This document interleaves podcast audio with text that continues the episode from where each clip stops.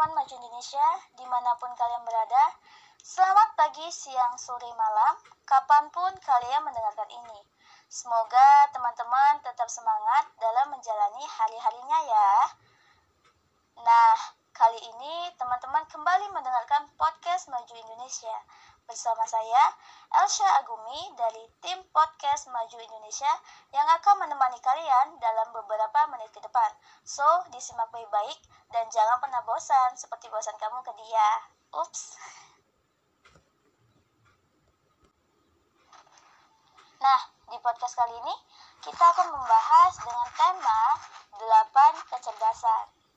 Kali ini kita kedatangan satu narasumber yang keren nih, yaitu ada Kak Aryani. Halo Kak Aryani, gimana nih Kak kabarnya hari ini? Alhamdulillah kabarnya baik dan insya Allah dalam keadaan yang sehat walafiat. Wah, Alhamdulillah ya Kak. By the way, kalau boleh tahu kakak dari mana ya? Boleh kakak perkenalan diri dulu terlebih dahulu? Ayah sebelumnya perkenalkan nama saya uh, Aryani Ramadini, biasa dipanggil Yani. Uh, saya salah satu mahasiswa dari Universitas Islam Negeri Sultan Haji Muhammad Idris Samarinda, uh, prodi Pendidikan Agama Islam semester 3. Wah, ternyata Kak Aryani juga mahasiswa ya, Kak. Salam kenal Kak Aryani. Uh, by the way, kembali lagi ke tema kita pada hari ini mengenai delapan kecerdasan. Ngomong-ngomong mengenai kecerdasan ya, uh, setiap orang kan pasti memiliki kecerdasan masing-masing. Nah, hal itu biasanya yang membuat uh, setiap orang itu berbeda. Nah, jadi menurut Kak Aryani itu apa sih uh, delapan kecerdasan itu, Kak? Bisa kakak jelasin? Baik kak, jadi uh, sebelum saya masuk menjelaskan delapan kecerdasan itu bagaimana, saya ingin menyampaikan dulu kenapa sih saya mau membahas tentang ini. Karena menurut saya di era yang saat ini e, notabene pemuda-pemudi itu dilekatkan kepada banyak istilah-istilah yang mengerucutkan semangat dan percaya diri seseorang seperti insecurity maupun overthinking.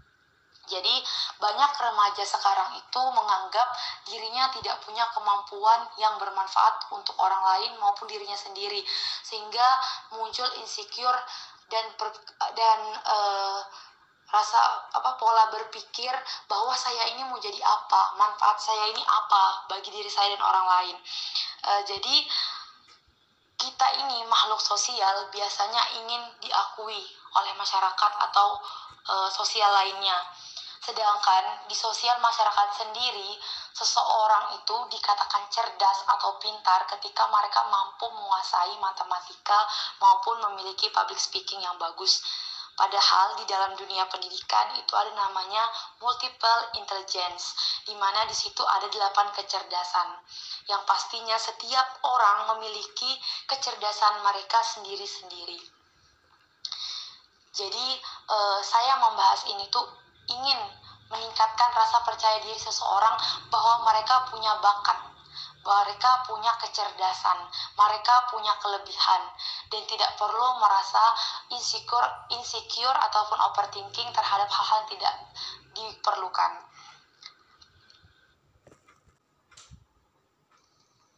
Ya, saya setuju nih sama Kak Aryani. Kalau dilihat dari sekarang ya benar, uh, kebanyakan orang itu tidak sepenuhnya memahami kemampuan yang mereka miliki. Nah, gimana? Nantinya itu akan berdampak pada karir mereka, sehingga karir mereka itu mungkin uh, jalurnya itu salah, di mana keterampilan yang mereka miliki ini tidak sejalan dengan keterampilan yang dibutuhkan untuk menyelesaikan sesuatu. Oke, jadi saya langsung masuk ke delapan kecerdasan itu sendiri. Yang pertama, di sini ada kecerdasan yang disebut dengan verbal linguistik. Apa sih verbal linguistik itu? Verbal linguistik ini biasanya dilekatkan kepada seseorang yang mampu berbicara dengan baik. Contohnya seperti public speaking. Mereka mempunyai narasi dan retorika yang indah ketika mereka berbicara. Mereka mampu menjelaskan sesuatu dengan sangat baik. Itu termasuk dalam sebuah kecerdasan. Tidak semua orang mampu atau memiliki kecerdasan ini. Selanjutnya ada bodily kinesthetic jadi itu uh, ini tuh berhubungan dengan kecerdasan motorik. Biasanya itu adalah para atletik olahragawan. Mereka itu mampu memiliki ketangkasan di dalam tubuh mereka, memiliki bakat dalam olahraga seperti itu. Biasanya uh, orang yang seperti ini tuh dianggap oh kamu non akademiknya itu kamu itu akademiknya kurang, kamu tuh cuma menang di non akademik. Padahal ini tuh merupakan salah satu kecerdasan seperti itu. Selanjutnya ada kecerdasan musikal. Jadi biasanya uh, seseorang yang memiliki kecerdasan musikal ini mereka itu sangat pandai dalam bernyanyi dan sangat uh, tertarik dengan alat musik. Kemudian ada visual spatial. Jadi visual spatial ini biasanya adalah mereka-mereka yang memiliki kemampuan melukis, menggambar, memotret, membuat video sinematik mungkin sekarang itu adalah termasuk kecerdasan. Saya ingat sekali teman salah satu teman kelas saya itu pernah mengatakan bahwa di antara saudara saya, saya yang paling gak pintar. Bahasanya seperti itu, paling gak pintar. Padahal dia itu adalah salah seorang fotografer. Terus saya sampaikan bahwa setiap orang itu punya kelebihan masing-masing. Kita itu lahir membawa hadiah kita masing-masing dari Allah Subhanahu wa taala. Jadi, dia itu uh, langsung mikir bukannya itu soft skill ya katanya kalau fotografer. Sebenarnya fotografer itu termasuk salah satu kecerdasan yaitu visual spatial. Selanjutnya ada kecerdasan naturalistik Nah, biasanya uh, ini seperti anak-anak gempa, anak-anak uh, mapal ma mahasiswa pecinta alam mapala. Biasanya mereka-mereka uh, yang memiliki kecerdasan naturalistik ini lebih tertarik kepada alam. Ketika mereka mencintai alam dan memandang sesuatu yang hubungannya dengan hewan maupun tumbuhan, itu adalah termasuk dengan kecerdasan. Tapi mungkin kebanyakan orang tidak sadar, mereka cuma pikir, oh itu itu cuma hobi, itu cuma hobi dan semua orang tuh bisa.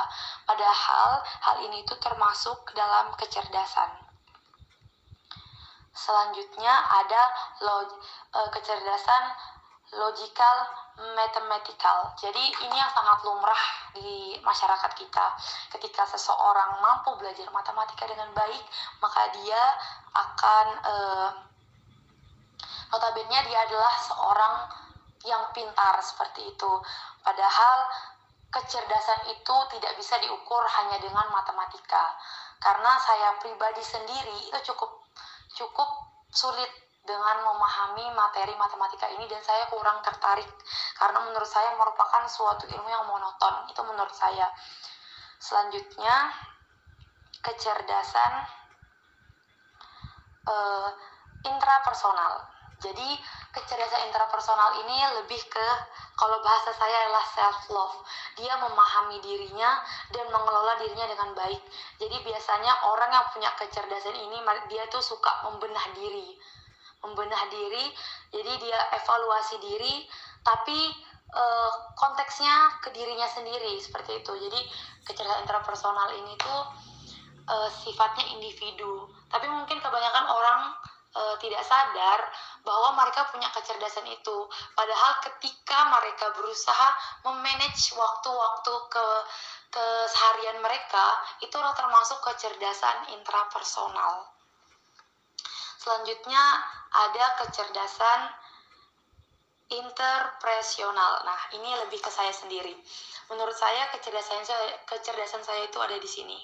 Jadi tuh eh, kecerdasan interpersonal ini tuh adalah kemampuan seseorang untuk bisa berkomunikasi baik dengan orang lain, memahami memahami situasi orang lain.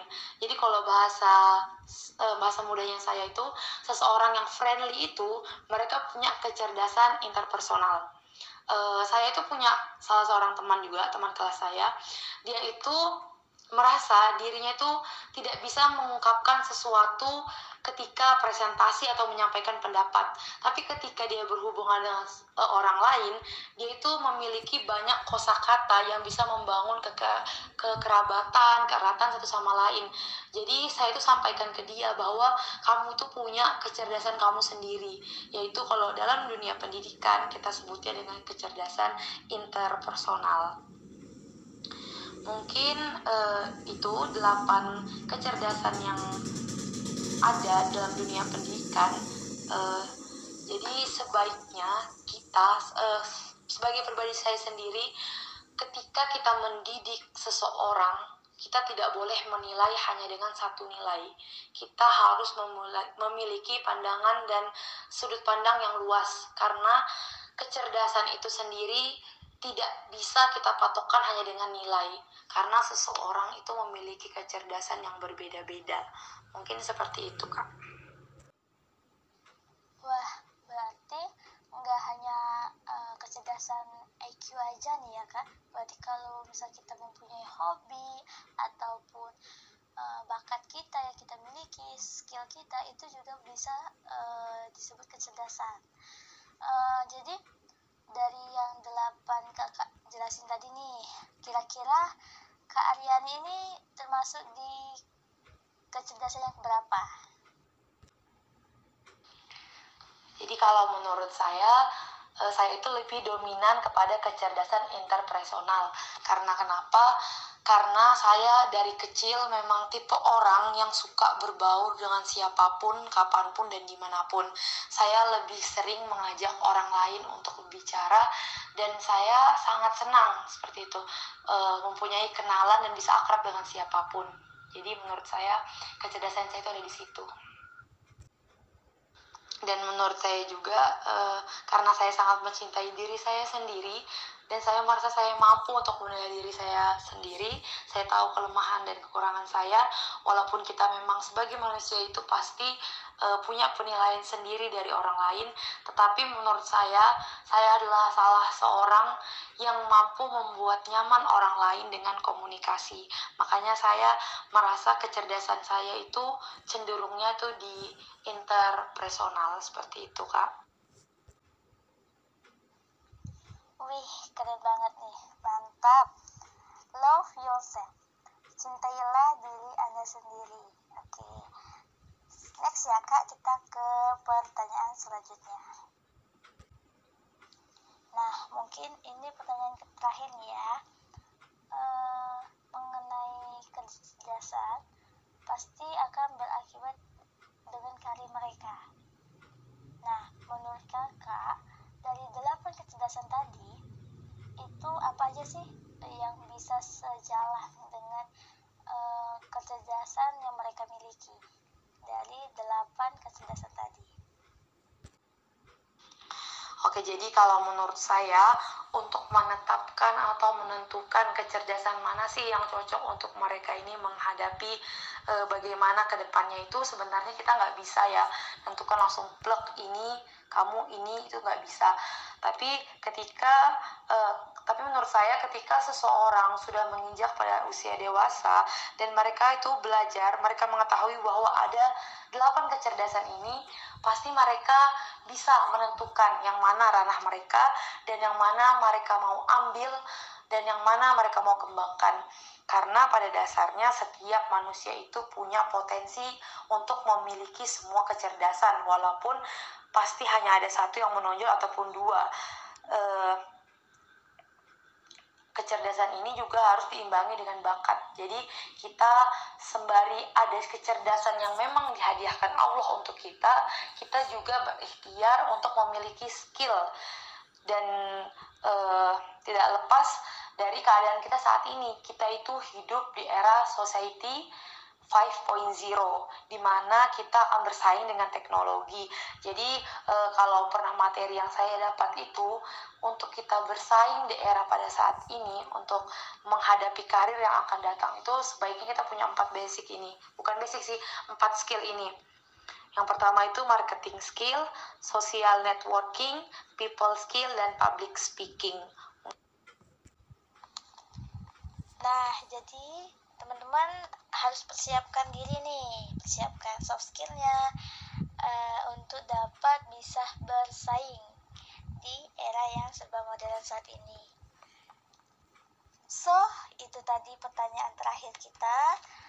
Mungkin dari kearian ini ada kata-kata penutup uh, sepatah atau dua kata kak? E, mungkin motivasi ataupun pesan yang ingin disampaikan silakan kak Aryani kalau ada.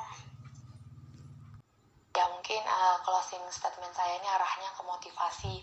Bahwasannya uh, kita itu harus mencintai diri kita dengan sebaik mungkin. Karena sejatinya pemilik diri kita ya diri kita sendiri. Orang lain sebenarnya tidak berhak satu persen pun atas diri kita. Jadi kita hidup di dunia ini menjadi manusia terbaik dengan versi terbaik sesuai dengan keinginan Allah Subhanahu wa taala. Mungkin itu saja yang bisa saya dapat sampaikan. Semoga apa yang saya sampaikan itu bisa bermanfaat khususnya untuk diri saya sendiri maupun orang lain. Terima kasih, Kak. Oke, terima kasih banyak nih Kak atas waktunya dan sharing-sharing tentang tema hari ini yaitu delapan kecerdasan. Semoga teman-teman lebih bisa memahami kecerdasan yang dimiliki. Dan ingat ya, jangan pernah insecure terhadap kemampuan yang kita miliki. Buktikan kepada semuanya kalau kalian mampu dan bisa. Mungkin Sekian dulu ya podcast kita hari ini. Untuk teman-teman yang sudah mendengarkan sampai akhir, terima kasih banyak. Sampai ketemu di podcast selanjutnya. See you and bye.